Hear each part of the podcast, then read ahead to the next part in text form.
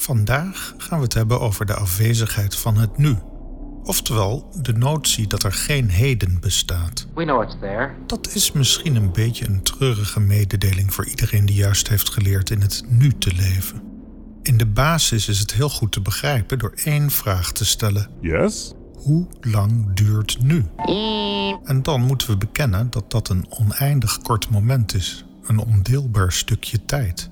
Alles daarvoor ligt in het verleden en alles daarna is nog toekomst. Dus hoe lang duurt het heden? Nul seconden, zelfs nul picoseconden.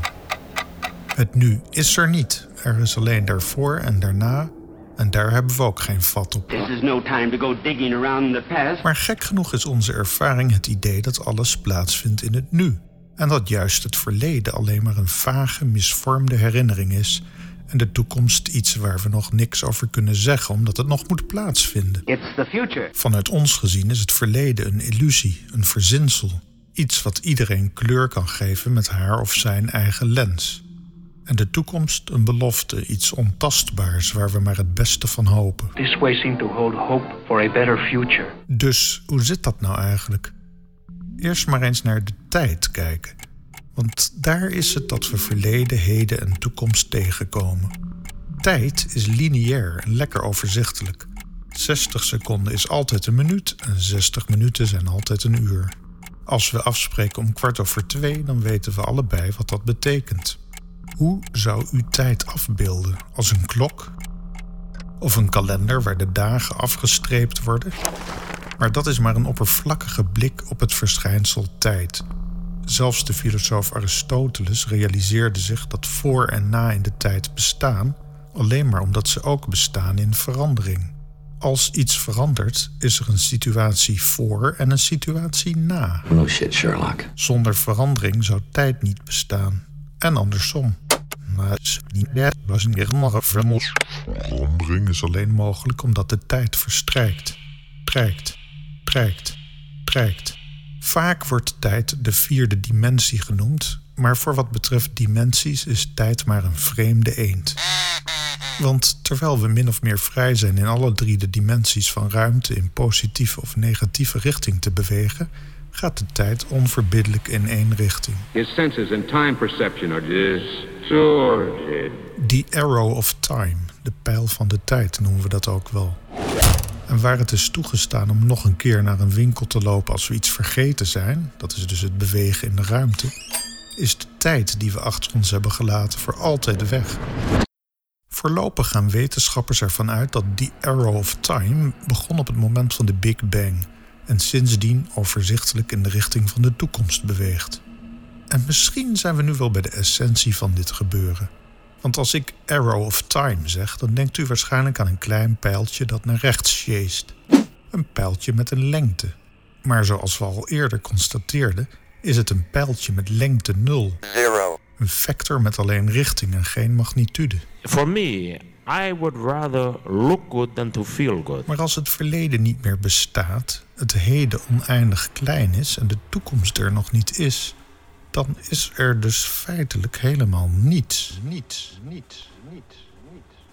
Dit is denk ik ook een van de grotere frustraties van mens zijn en de reden dat veel mensen fantaseren over het reizen in de tijd. Back to the future. Het mogen duidelijk zijn dat dat oneindig dunne heden tamelijk lastig is voor zoiets als een zoogdier. Ah, what do you speak? Zonder tijd namelijk geen causaliteit en dat maakt ons bijzonder ongelukkig. Gelukkig biedt de wetenschap hier een uitweg. Als u naar de wereld kijkt, ziet u letterlijk en onherroepelijk iets uit het verleden. Uw beeld is minstens 70 milliseconden oud. Want wat we zien is het in onze hersens opgebouwde beeld van de fragmentarische informatie die eerder op het netvlies arriveerde. Dat zegt neurobioloog en PhD John Reynolds van het Salk Institute for Biological Studies. Hij wijst ook op een ongelooflijk vermogen van ons brein om het opgebouwde beeld aan te passen met het oog op de nabije toekomst. De 70 milliseconden is best wel lang als er een buffel of een luipaard uw kant op komt rennen. Wetenschappers van het Salk Instituut onder leiding van Kirsty Sundberg hebben experimenteel kunnen vaststellen dat het menselijk brein het beeld vervormt om te compenseren voor die traagheid.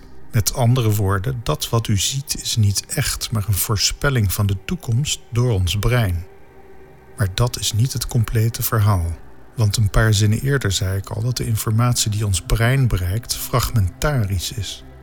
Een groot deel van wat wij zien is juist nog informatie uit het verleden, of in gevallen waar visuele informatie ontbreekt, ingevuld gokwerk van ons brein. No guesswork. Wetenschappers aan de Universiteit van Glasgow konden experimenteel laten zien dat ons brein continu aan het invullen is om te compenseren voor missende informatie. Onderzoekers Muckley en Smith vertellen dat een van de hoofdfuncties van ons brein is om verrassingen voor te zijn. Misschien is dat wel een verklaring voor het verschijnsel humor. Dat het brein dan even de teugels los moet laten om te verwerken dat er toch een verrassing doorheen glipte die het bewandelde pad verliet. En hoort u met hoe weinig humor ik dat in mijn stem vertel? There is too much butter on those trays. No, no, no, senor. What? Not on those trays. No, sir. Uno, dos, tres. Soms botsen onze breinbuffers. Als u bijvoorbeeld op straat recht op iemand afloopt, dan stappen we soms meerdere malen voor elkaar opzij, omdat de menselijke sensorische verwerking voor iedereen ongeveer dezelfde snelheid heeft. Zoals u misschien weet, mix ik in het dagelijks leven geluid voor internet, tv, radio, podcasts en wat dies meer zij. Daarom ben ik ook de hele dag met geluid bezig. En hoe meer ik ermee te maken heb en erover leer, des te meer respect krijg ik voor ons gehoor. Een van de dingen die auditieve informatieverwerking onderscheidt van visuele waarneming is de manier waarop deze informatie aan ons brein wordt aangeboden. Alhoewel er overlap is, kunnen we grofweg zeggen dat visuele informatie meerdere malen door ons oog gescand kan worden, terwijl het oor het moet doen met de luchttrillingen die slechts één keer langskomen. Visuele waarneming maakt om die reden gebruik van iconisch geheugen met een kleiner buffervermogen dan auditieve waarneming. In dat laatste geval slaan we het gehoorde op in een grotere buffer en dat noemen we echoic memory, echogeheugen. Deze term stamt uit 1967 en werd geïntroduceerd door Ulrich Neisser, die soms de vader van de cognitieve psychologie wordt genoemd. Neisser suggereerde dat onze ervaring grotendeels geconstrueerde en gereconstrueerde informatie is en geen momentopname van het heden. Met andere woorden, uw verleden bestaat niet meer, uw toekomst bestaat nog niet en dat wat u als heden ervaart heeft überhaupt nooit bestaan. We hallucineren maar wat door het leven. Het is een mirakel dat we af en toe nog een normaal gesprek kunnen voeren, vindt u niet? Nog heel even terug naar dat gehoor. Er bestaat een wetenschappelijke discipline die precies dat waar we het nu over hebben met betrekking tot ons gehoor onderzoekt. Cognitive Hearing Science. Inmiddels weten we heel goed dat ons brein alle inkomende stimuli tot in het absurde probeert te verenigen. Dat maakt het ook mogelijk dat goocheltrucs kunnen bestaan en dat sommige mensen spoken zien of religieuze ervaringen hebben. Tot slot voor de lol nog even een voorbeeld waarbij u zelf kunt ervaren dat u uw gehoor niet geheel kunt vertrouwen. Luistert u naar het volgende. Wat wordt er gezegd? Love me? No way? Uw brein weet het niet en maakt er maar wat van. Dankbaar accepteert uw brein mijn suggesties. Verklaring voor deze geheimzinnige werking van onze zintuigen lijkt voort te komen uit de evolutie. Ons voortbestaan heeft een grotere kans van slagen als we gevaar uit de weg kunnen blijven, als we op tijd voedsel voor ons gezin kunnen vinden en als we beter in staat zijn ons voort te planten. En ons brein, specifiek onze visuele en auditieve cortex, heeft geleerd beter om te gaan met dat oneindig dunne stukje tijd dat we het heden noemen. Oh ja, dat wat u nu op de achtergrond hoort is ook een auditieve illusie. Uw brein denkt alleen maar dat deze toon steeds hoger wordt. Tot volgende week. Tenminste, dat is mijn toekomstvoorspelling.